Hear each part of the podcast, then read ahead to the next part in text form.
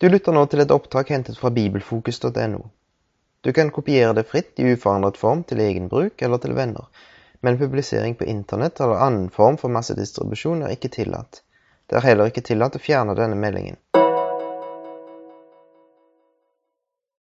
Det spørs om dette går bra. Jeg har sagt til flere at jeg føler jeg har tatt meg vann over hodet med dette emnet her.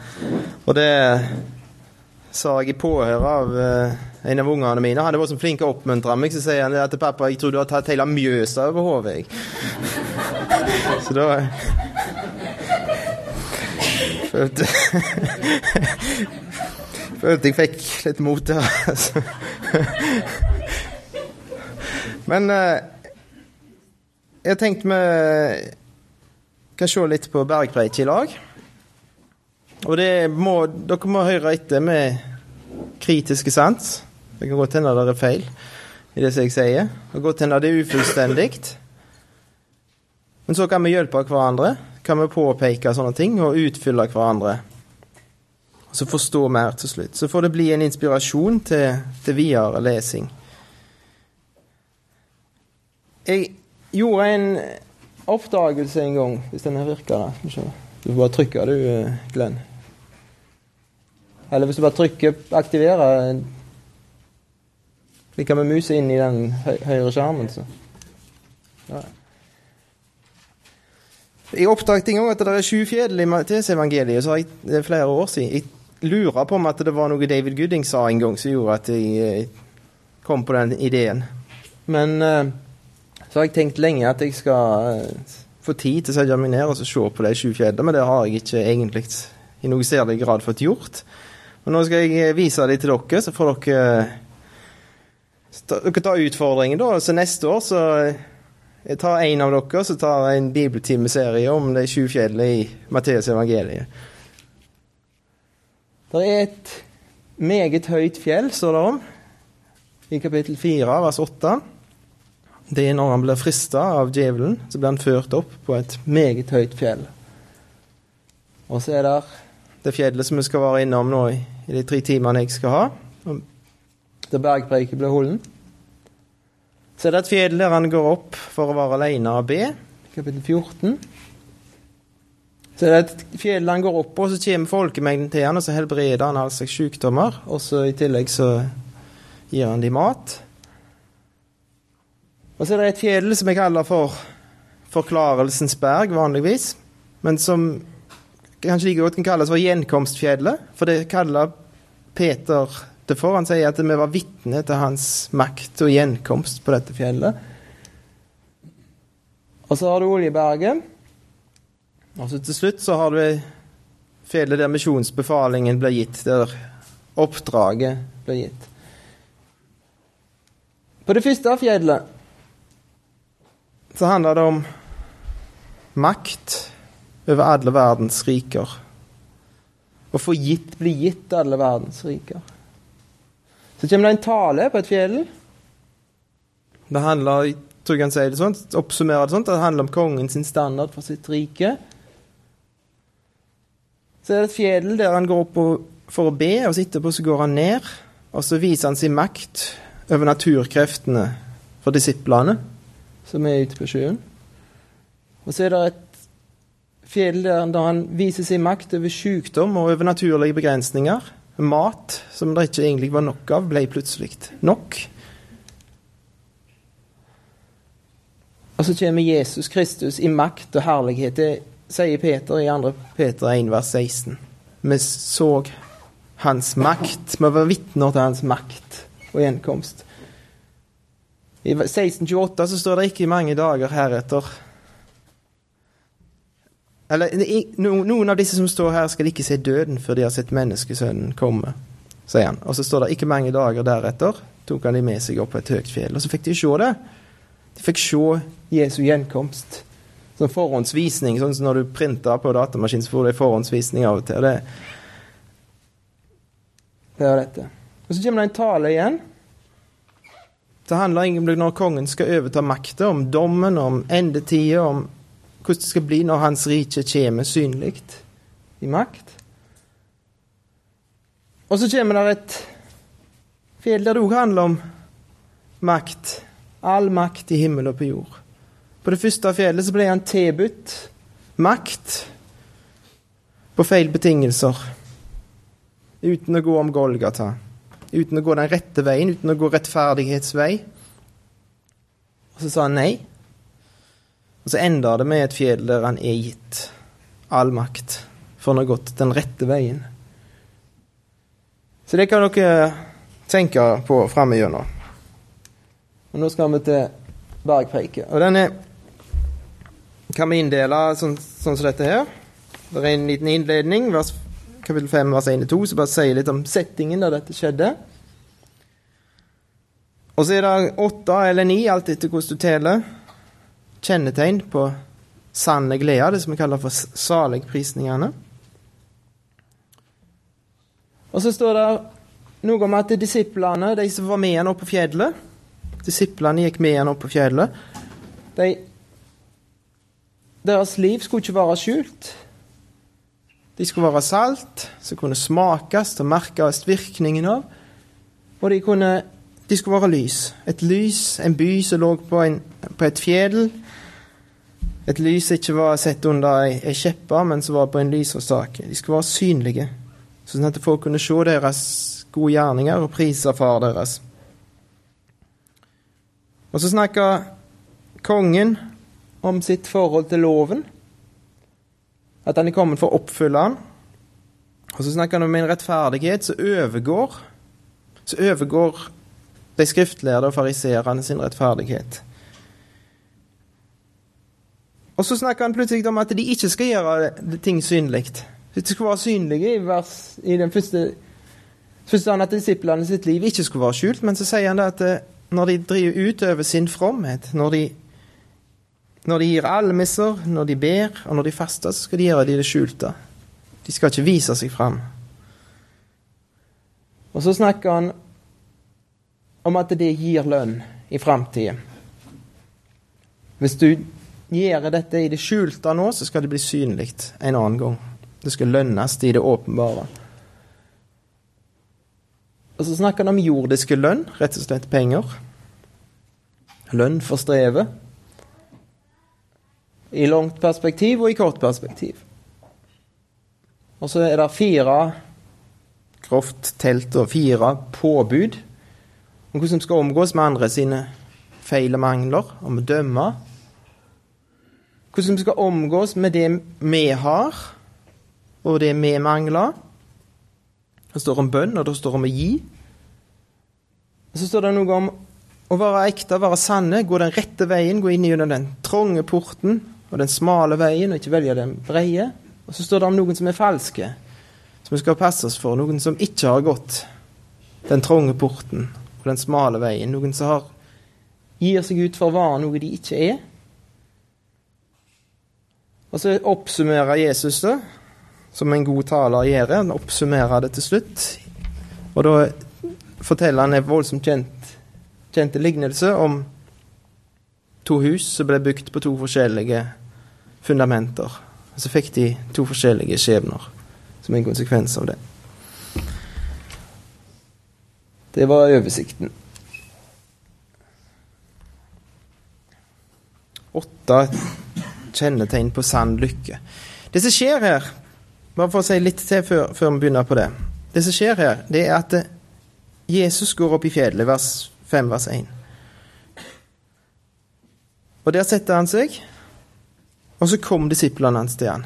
Du ser for deg Jesus går opp alene opp på fjellet, og så kommer disiplene traskende etter. Og så sitter han der i lag med disiplene, og så begynner han å snakke til dem. På slutten, hvis dere slår opp i, det, i slutten på kapittel 7 Begynnelsen på Ja, slutten på kapittel 7, vers 28. Og det skjedde da Jesus hadde endt denne talen. Da var folket altså Det er ikke bare disiplene som er der, men det er folket slått med undring over hans lære. Og Da han gikk ned fra fjellet, fulgte mye folk ham. Så Disiplene hans kom opp, og så ser det ut som etter hvert som han talte, så kom der flere og flere til. Det strømte til etter hvert. Og når han avslutta talen, så var det en svær folkemengde som hørte på den avslutningen. Hva det kan bety, det, det kommer vi til. Men det står åtte, eller egentlig ni ganger, står det 'salige'. Salige. Salig, hva, hva betyr det? Det betyr glad, betyr lukkelige. Det betyr at du har det, du har det godt. Men det som er merkelig her, det er at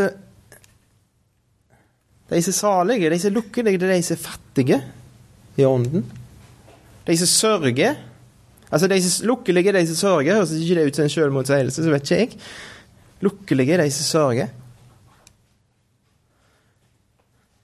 Lukkelige er de som er ydmyke, de som er små, de som er Lukkelige er de som er sultne, de som ikke har fått tilfredsstillelse. Lukkelige er de som er gode mot andre, de som gir. Lukkelige er de som holder hjertet rent, ja, det kan vi jo forstå. Lukkelige er de som stifter fred. De som ikke starter krig for å få noe sjøl, men de som stifter fred. Lukkelige er de som blir forfulgte. Og Når vi ser den lista der, så ser vi det at det lukka er ikke først og fremst denne følelsen, denne gledesfølelsen som du kan ha. For en gledesfølelse, det kan du få på kunstig vis. Det er noe som heter lykkepiller, f.eks. Jeg har aldri prøvd det, men de sier det virker. Og de blir avhengige av det, de som tar det. For de får en, en lykke. Men den er ikke ekte.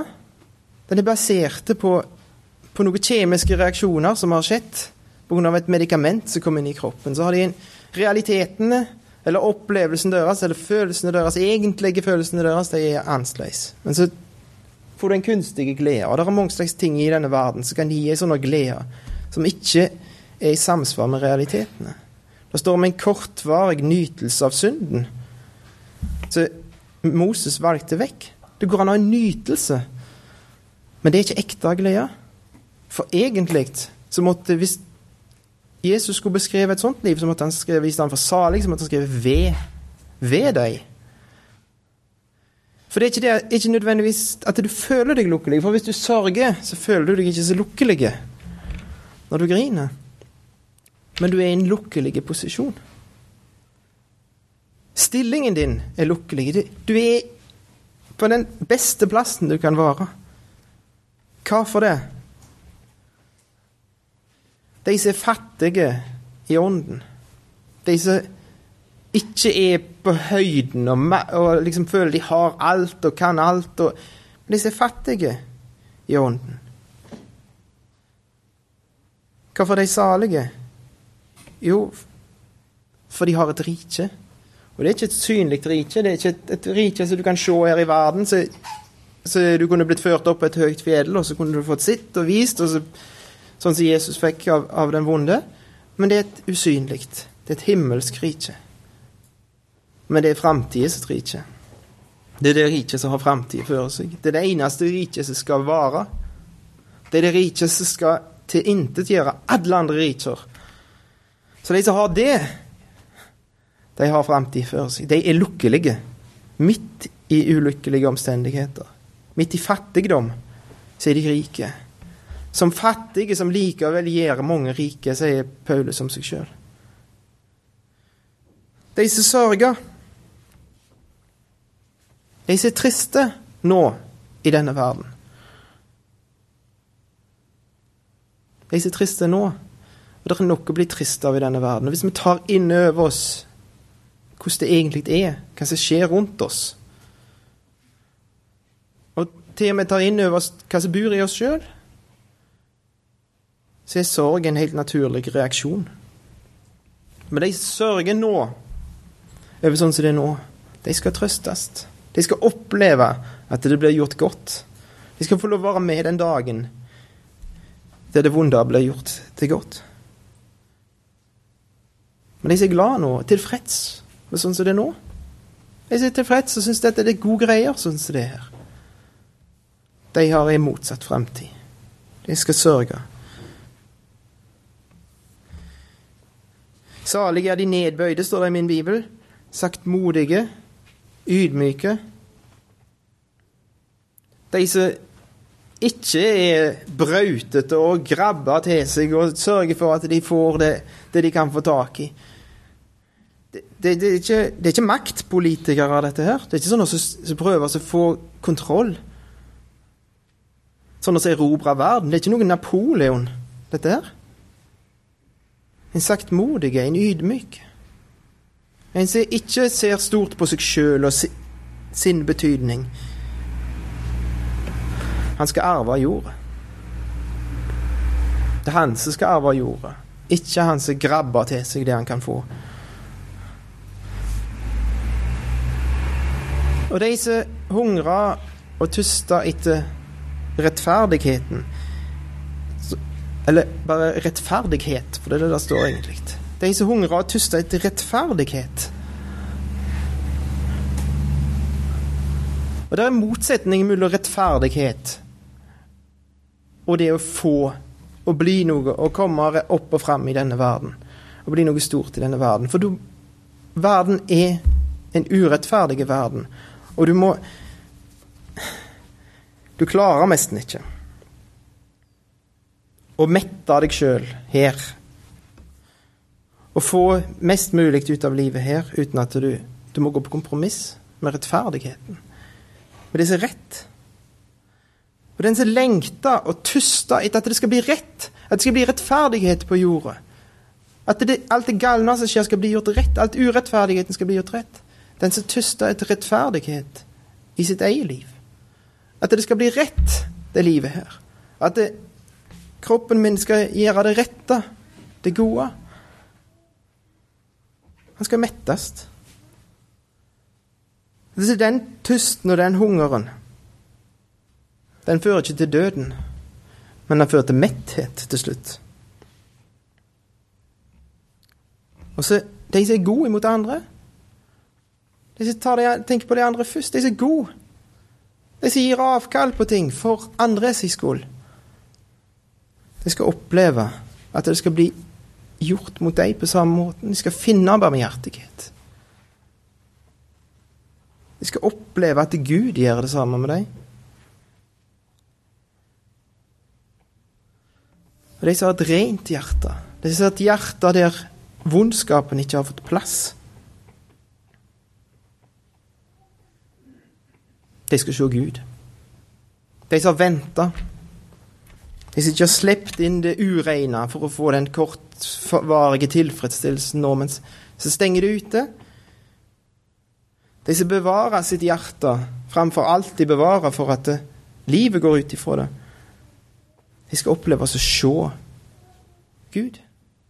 De skal oppleve et syn som gir dem en tilfredsstillelse, så alt det andre det blir meningsløst og tomt. Og de som stifter fred, de som ikke starter kriger, de som ikke gjør sitt for å få makt, men som stifter fred, de skal kalles Guds sønner. Og det går ikke an å komme, Vi hørte litt om det i Yorka. Det går ikke an å komme mer høyt på strå enn det. De er små folk, alle disse store. Barack Obama og, og, den gjengen der. De er små folk, de. I forhold til disse her folket her. Som skal kalles Guds sønner. Og så sier han til slutt salige er de som blir forfulgt. De som opplever at det, verden går imot dem for at de har valgt rettferdigheten. De salige. For igjen, riket deres. Og så sier han, når han snakket om salige, er de, de, de, de. Og så sier han til disiplene det er dere jeg snakker om. Det er dere jeg snakker om. Dere som har fulgt etter meg. Dere som har forlatt alt for min skole. Dere som gikk ifra det vanlige livet deres, sånn som alle andre hadde. Og så bestemte dere for at nå vil jeg følge etter Jesus. Nå vil jeg lære av han, nå vil jeg høre hva han har å si. Og så vil jeg gjøre det som han sier. Jeg vil at han skal få lov å forme meg. Dere kommer til å oppleve det. Og det er lenge før det begynte å skje. Så dere kommer til å oppleve det. At det kommer til å koste dere noe. De kommer til å le av dere. De kommer til, til å forfølge dere. De kommer til å lyge om dere. For min skyld. Og da skal dere være glad når dere opplever det. For det er ei lønn i himmel for sånne. Du får det igjen med renter. Og så er dere i en rolle som er helt fantastisk. Slik forfulgte de profetene før dere. Hvem var profetene? Det var Guds sendebude inn i en verden, inn i et folk som hadde gjort, ofte hadde gjort opprør imot Gud. Så sendte Gud sin mann inn, og så sa han si mening om saken. Og talte sitt ord til dem gjennom dette mennesket. De òg opplevde forfølgelse. Men tenk å være Guds representant. Han tar seg av sine representanter. Han tar seg av sine folk. De kommer ut på rette sida til slutt. Det skal vises en dag. Når alt skal snus opp ned, så skal det vises hvem som valgte rett. Hvem som var de virkelig salige. Hvem som var de virkelig lukkelige. Jo, det var de som fulgte etter Jesus. De som fulgte etter han opp på fjellet og hørte på han og lærte av han.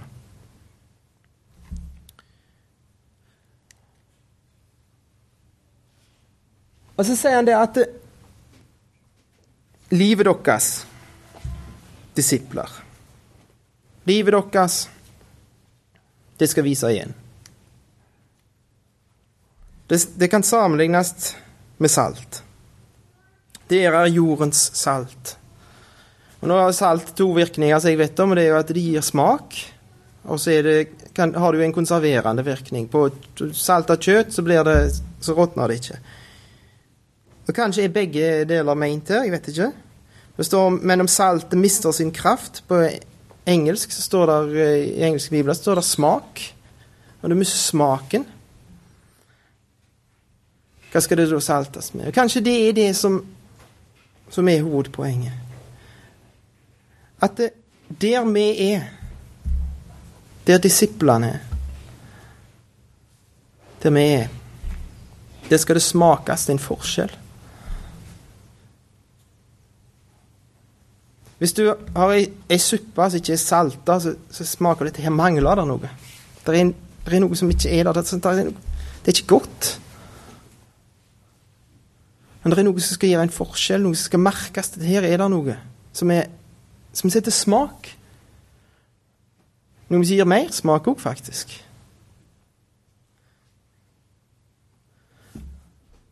Men hvis vi mister kraften vår, hvis vi er, ikke gjør noen forskjell der vi er Hvis vi lar oss påvirke av omgivelsene våre, og ikke av Han Hvis vi bøyer oss for at vi, vi har ikke lyst på en del av de tingene som sto her, at de skal le av oss, f.eks. Vi har ikke lyst til at de skal le av oss. Derfor så de vi helst er stilt. Gjør som de andre gjør, så langt vi klarer. Så mister saltet kraft. Så er det ikke noe vits i oss i det hele tatt. Det er ikke vits i oss der vi er. Det er ikke vits i at vi er der vi er. På den arbeidsplassen eller den skolen eller hva det måtte være. Vi duger ikke til noen ting. Vi skal smakes, det skal kjennes. Her er det en som hører til et annet rike, som hører til en annen konge, som har andre prinsipper han lever etter, som har en annen far. Det var saltet.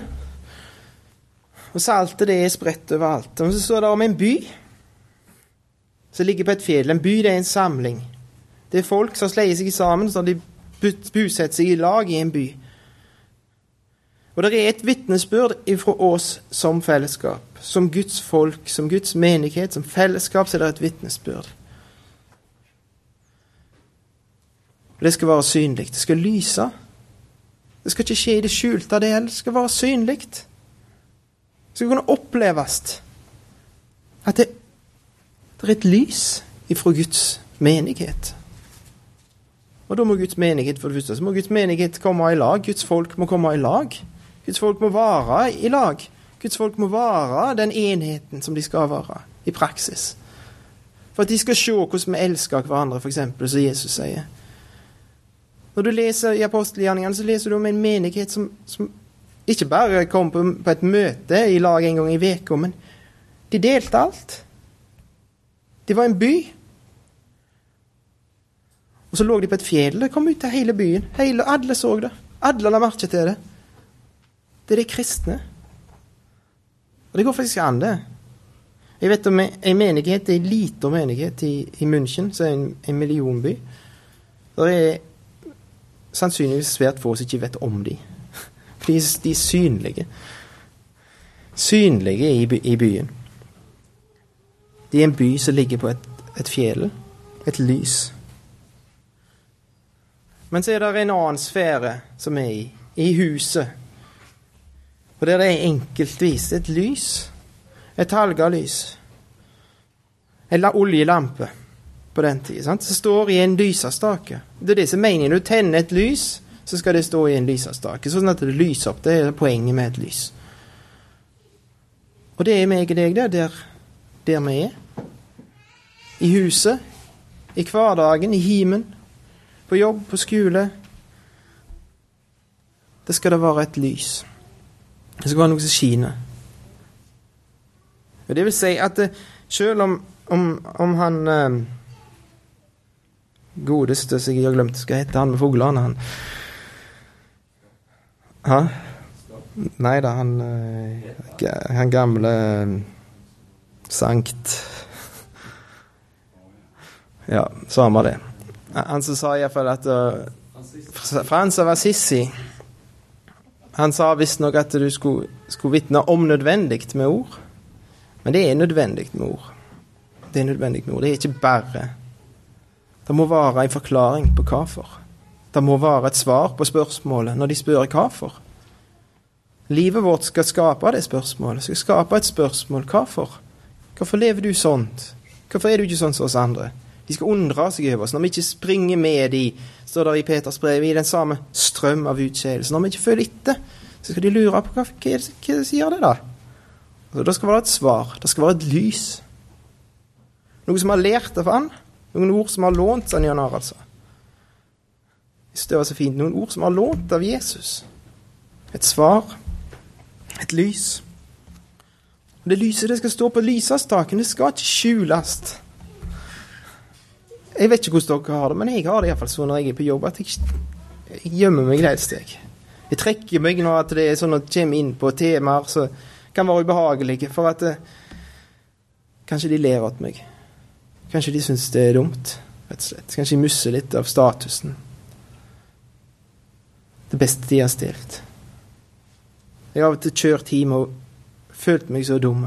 Jeg hadde den anledningen, sant, og så misbrukte jeg den. Men han har tent lyset, han har ikke tent det lyset for at det skal stå under ei bytte, under ei korg, skjult. Det skal lyse. Og Derfor så står det om å kjøpe den laglige tid. Kjøpe den beleilige tid. Kjøpe de anledningene. For de koster noe, de anledningene. De er ikke gratis. De koster noe, men de må kjøpes. For de kommer ikke hver dag. Og det som skal være resultatet av dette, sier Jesus, det er at eh, de ser noen gode gjerninger. De ser noe. Et liv. Noen gjerninger. Så det er motsatt, det motsatte. Vi sier noe. Vi har et vitnesbyrd, vi har et lys. Vi sier vi er kristne. Er en kristen. Og så Ja, ja. Da begynner de i alle fall å kikke på livet vårt. Da begynner de i alle fall å se på hvordan jeg og du lever. Hva ser de da? Ser de noen som lever stikk i strid med de med bekjennelsen, som den høye bekjennelsen, og så et liv som er stikk i strid? Eller ser de noe, noe gode gjerninger? Noe godt som er kommet inn i det livet?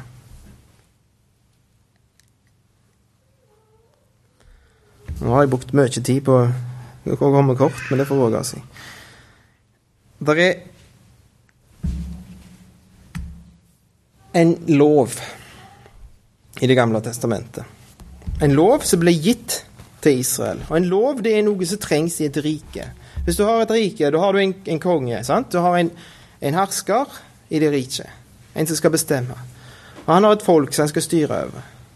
Og det folket, det må, Først må det folket vite hva de har å rette seg etter. De må vite hva de skal gjøre, hva som er rett, hva som er gale. Og så må de være lydige imot han kongen. For at det skal fungere som et rike. For at et rike skal fungere, så må undersåttene vite hva de skal gjøre, og så må de lye. I, I andre Mosebok, kapittel 19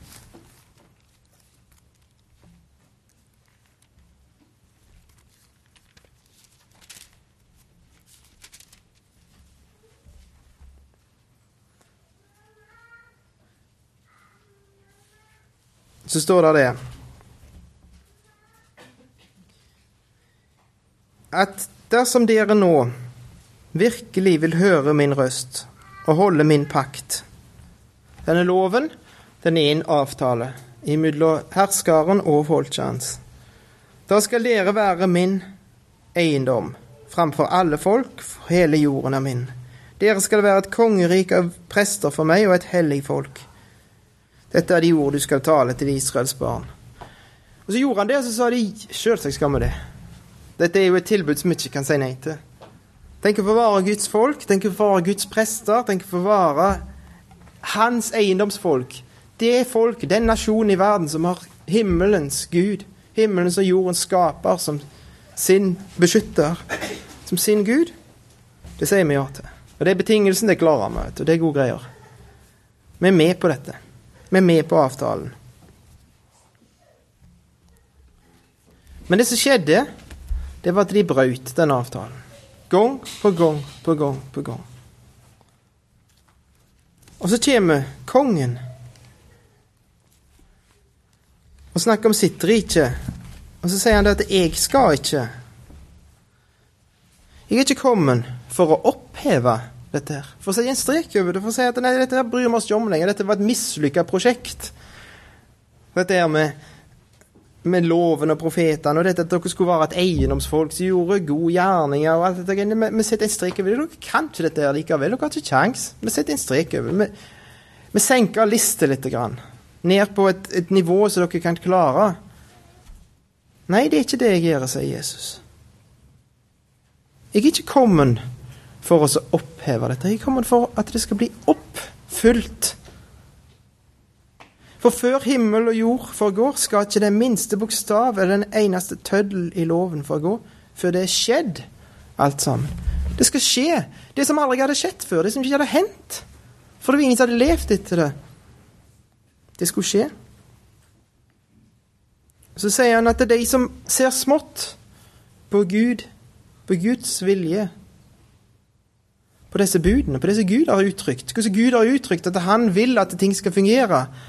De som ser smått på det, de som setter en strek over sånne ting og sier at det er ikke så nøye, det der greiene der.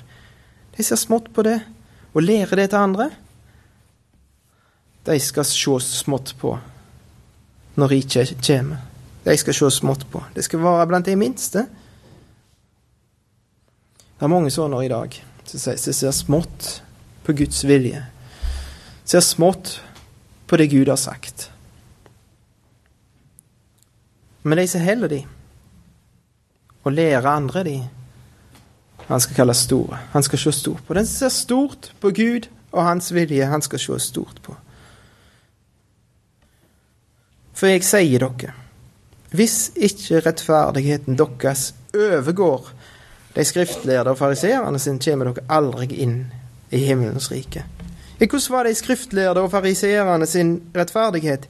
Skal vi slå opp og skrive, lese hva en fariseer, tidligere fariseer, skriver om sin rettferdighet? Filipperbrevet 3 og vers 4. Det er Paulus. Skjønt jeg har aktens det jeg kunne sette min lit til også i kjød. Om noen annen mener å kunne sette sin lit til kjød, da kan jeg det enda mer. Jeg er omskåret på den åttende dag. Jeg er av Israels ett, av Benjamins stamme. En hebreer født av hebreere, i forhold til loven en fariseer. I nidkjærhet en forfølger av menigheten, i rettferdighet etter loven uten lyte.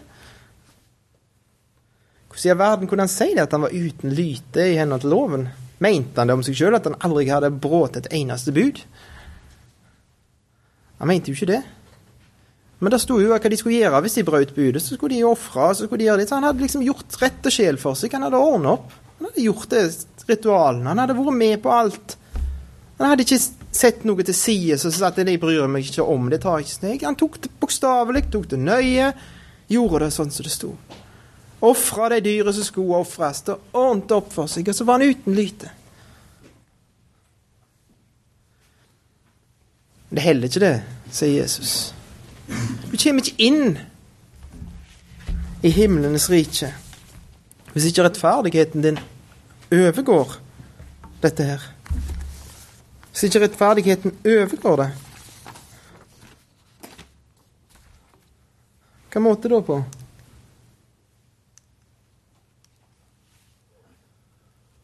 I forhold til hvordan du omgås med bror din, i forhold til hvordan du omgås med fristelser, i forhold til hvordan du omgås med ekteskapet, hvordan du omgås med sannhet, hvordan du omgås med rettferdighet, hvordan du omgås med nestekjærlighet.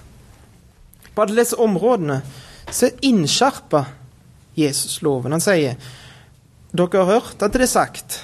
Og så sier han lov, I et land så har du lover og forskrifter. Stortinget da, de, de, lager en lov, så lager de en lov, og så er det et embetsverk som lager forskrifter. Så sier de at det, eh, denne loven den er, skal vi forstå på den måten. At hvis at, eh, ja, båten er 20-30 og en halv fot lang, så skal det være de avgiftene. Og hvis den er lengre, det skal være noen andre avgifter. De lager altså forskrifter. Og det gjorde de, de som styrte i Israel òg. De lagde forskrifter. Og la ut loven. Og så hadde de blitt opplært i dette her. Så sier Jesus dere har hørt at det er sagt. Så siterer han fra Det gamle testamentet, og så siterer han litt av det som de skriftlærde hadde sagt til dem. Så sier han at dere har hørt at det er sagt, men jeg sier dere. Dere har hørt at det er sagt, men jeg sier dere. Dere har hørt at det er sagt, men jeg sier dere. Og det han sier de, det er mye strengere. Det er mye større, det er mye vanskeligere.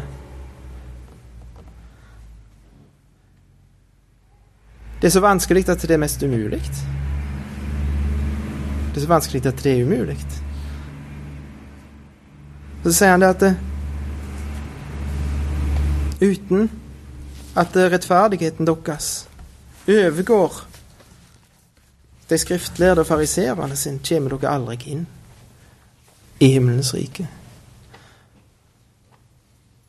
Vi er utrolig kjappe når vi, vi, snakker med folk og, om sånne ting som dette. Så er vi også kjappe. Ja, men, men, du klarer ikke dette. Du, det, du, du kan bare glemme det med å gi rett og alt det der. Du klarer det ikke likevel. Men det er noe som heter nåden. og så Du blir frelst av bare nåde, og så går, går det bra likevel. Men det er faktisk dette som er kravet. Og Jesus sier ikke det her at nå, nå, nå skal vi bare glemme dette greiene. Jeg sier det bare for å vise at dere ikke kan. Er det. Det er det livet han vil ha. Men hvordan oppfyller han det? Hvordan sørger han for at dette blir oppfylt? Jo, for det første så oppfylte han det sjøl, til punkt og prikke. Jesus vet hva lydighet koster. Jesus vet hva lydighet koster. Jesus vet hva det vil si å adlyde Gud i alle ting. Han vet hva det vil si. Ikke pga. at han er allvitende og kunne liksom se inn i hjertene våre og kjenne igjen si, følelsene våre på den måten. Men i Hebreabrevet så står det at han, han lærte lydighet av det han lei. Han lærte den allvitende Gud, han som vet alt og kan alt. Han lærte noe nytt. Han lærte noe nytt. Han lærte hva lydighet kosta i praksis. For at han ble menneske, sånn som meg og deg, så opplevde han på kroppen hva det vil si å være et menneske. Og så oppfylte han dette. her. Han levde et liv etter Guds vilje. Han elska Gud overalt. Med hele sitt hjerte, hele sin sjel. Og så elska han nesten som seg sjøl. Han gav seg sjøl. Han gav seg sjøl i døden for sine nærmeste. For sin neste, for sine nærmeste. Og sine nærmeste, det utvider han til hele verden. Det var hans nærmeste. Så han har oppfylt dette. Og Paulus han sier det om den rettferdigheten som han hadde, at jeg vil ikke ha den. Jeg akter det for skrap. Jeg, jeg, hiver det på båset, det der greiene der. I Filipperbrevet 3 igjen.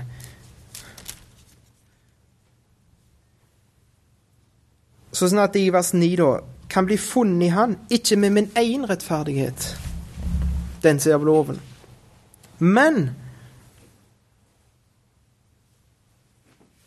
med den rettferdigheten som jeg får ved true på Kristus. Rettferdigheten av Gud på grunn av tro. Så det går an å få en rettferdighet. Det går an å få en rettferdighet. Og den rettferdigheten er ikke gratis. Den har han betalt for. Men den kan du få. Den kan du få. Og så kan du ha den rettferdigheten. Så kan du si at rettferdigheten min overgår de skriftlærde fariseerne sin. For jeg er kledd i Jesus sin rettferdighet. Det som var umulig for loven, det gjorde Gud i Romerbrev 8. Men har Gud gitt opp dette prosjektet? Har Gud gitt opp det prosjektet med rettferdighet? Med at det skulle bli en praktisk rettferdighet? At det skulle bli en synlig rettferdighet? I Romerbrevet 8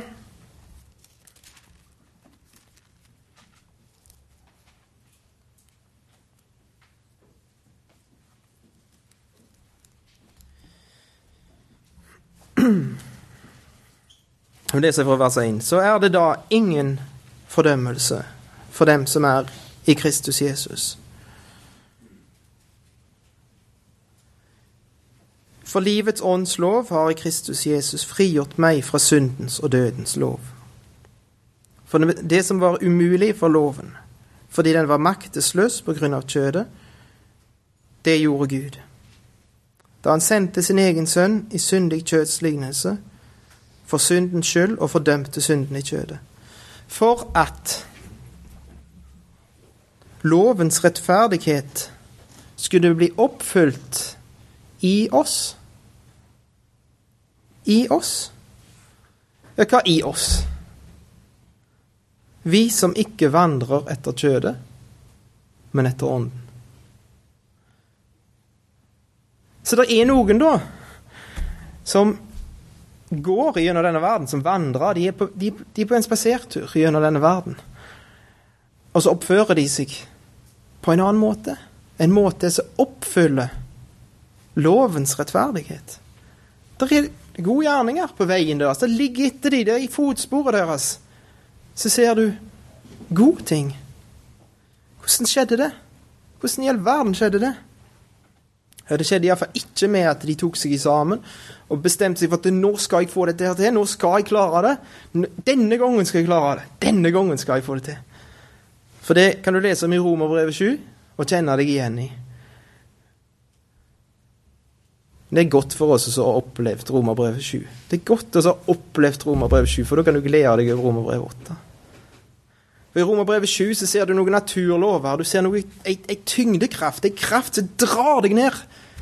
Du har fått, du er blitt du har fått lyst til å gjøre Guds vilje. Du har fått lyst, men så får du det ikke til. Og det du har lyst til å slutte med, det fortsetter du å gjøre. Syndens og dødens lov. Syndens lov. Det jeg ikke vil, det gjør jeg. Dødens lov. Det jeg vil, det gjør jeg ikke. Og så er det en ny lov som er kommet inn. En lovmessighet. En naturlov som er kommet inn gjennom Ånden. Gjennom at Guds ånd bor i oss. Så det kommer en ny kraft som gjør det mulig. At dette som Jesus beskriver i bergpreiket Så han beskriver sånn vil han at hans undersåtter, hans disipler, skal leve. Det er mulig. Det er mulig. Det kan bli realitet. Det kan bli til å smake på. Det kan bli til å se lyset av. For det er et ord som går igjen i mer enn noe annet, tror jeg, i bergpreiket. Og det er far. Deres far. Deres himmelske far. Romerbrev 8 har det òg. Når vi har Ånden, så er det bevis på at vi er Guds sønner. For det eneste håpet vi mennesker har til å komme inn i Guds rike, komme inn i dette riket som blir beskrevet her, det er at vi blir født på ny. Det sier jo, det vet alle vet det. Det står i Johannes 3. Jesus sier det til Nikodemus. Du må bli født på ny. Du må bli født oventil. Du må få et nytt liv. Du må få nye gener. Det nytter ikke med de gamle genene dine det du er født med, de utrustningen du har, det du er i deg sjøl. Det nytter ikke det. Du må bli født på ny. Du må få nye arveanlegg, nye gaver. Og det er det denne handler om. Om disse ungene som skal ligne på far sin. Noen som går gjennom verden, og så ligner de på en far. Og så ligner de på sånn, med store S, på sønnen for han som er den enbårne. Det ligner på han. Hva det betyr i praksis, det får vi se på i neste time. Jeg har funnet ut at jeg blir ikke ferdig med bergpreiket, men det får våge seg. Far, jeg har lyst til å takke deg for at det er mulig å komme inn i dette forholdet til, til deg. At vi kan si far. At vi kan se opp imot en hopen himmel. Også sier pappa. Være født av deg. Bære livet ditt i denne verden. Og Nå kjenner ikke jeg alle som er her, men du kjenner hvert eneste hjerte. Du kjenner om det er noen som som ikke har sagt ja til det. Som ikke har bøtt seg innunder deg. Ber om at eh, det må skje, det underet må skje i noen sitt liv, at de får oppleve å bli født på ny. Så ber jeg for oss å høre deg til at, at du må få, få lov å arbeide med oss og forme oss gjennom de ordene som blir forkynt her på dette stevnet her. Dine ord. At vi må være lydige mot den formen Svein Jon Harald fortalte som at denne formen får lov å forme oss, og sånn at vi ligner på det bildet du så før deg. Amen.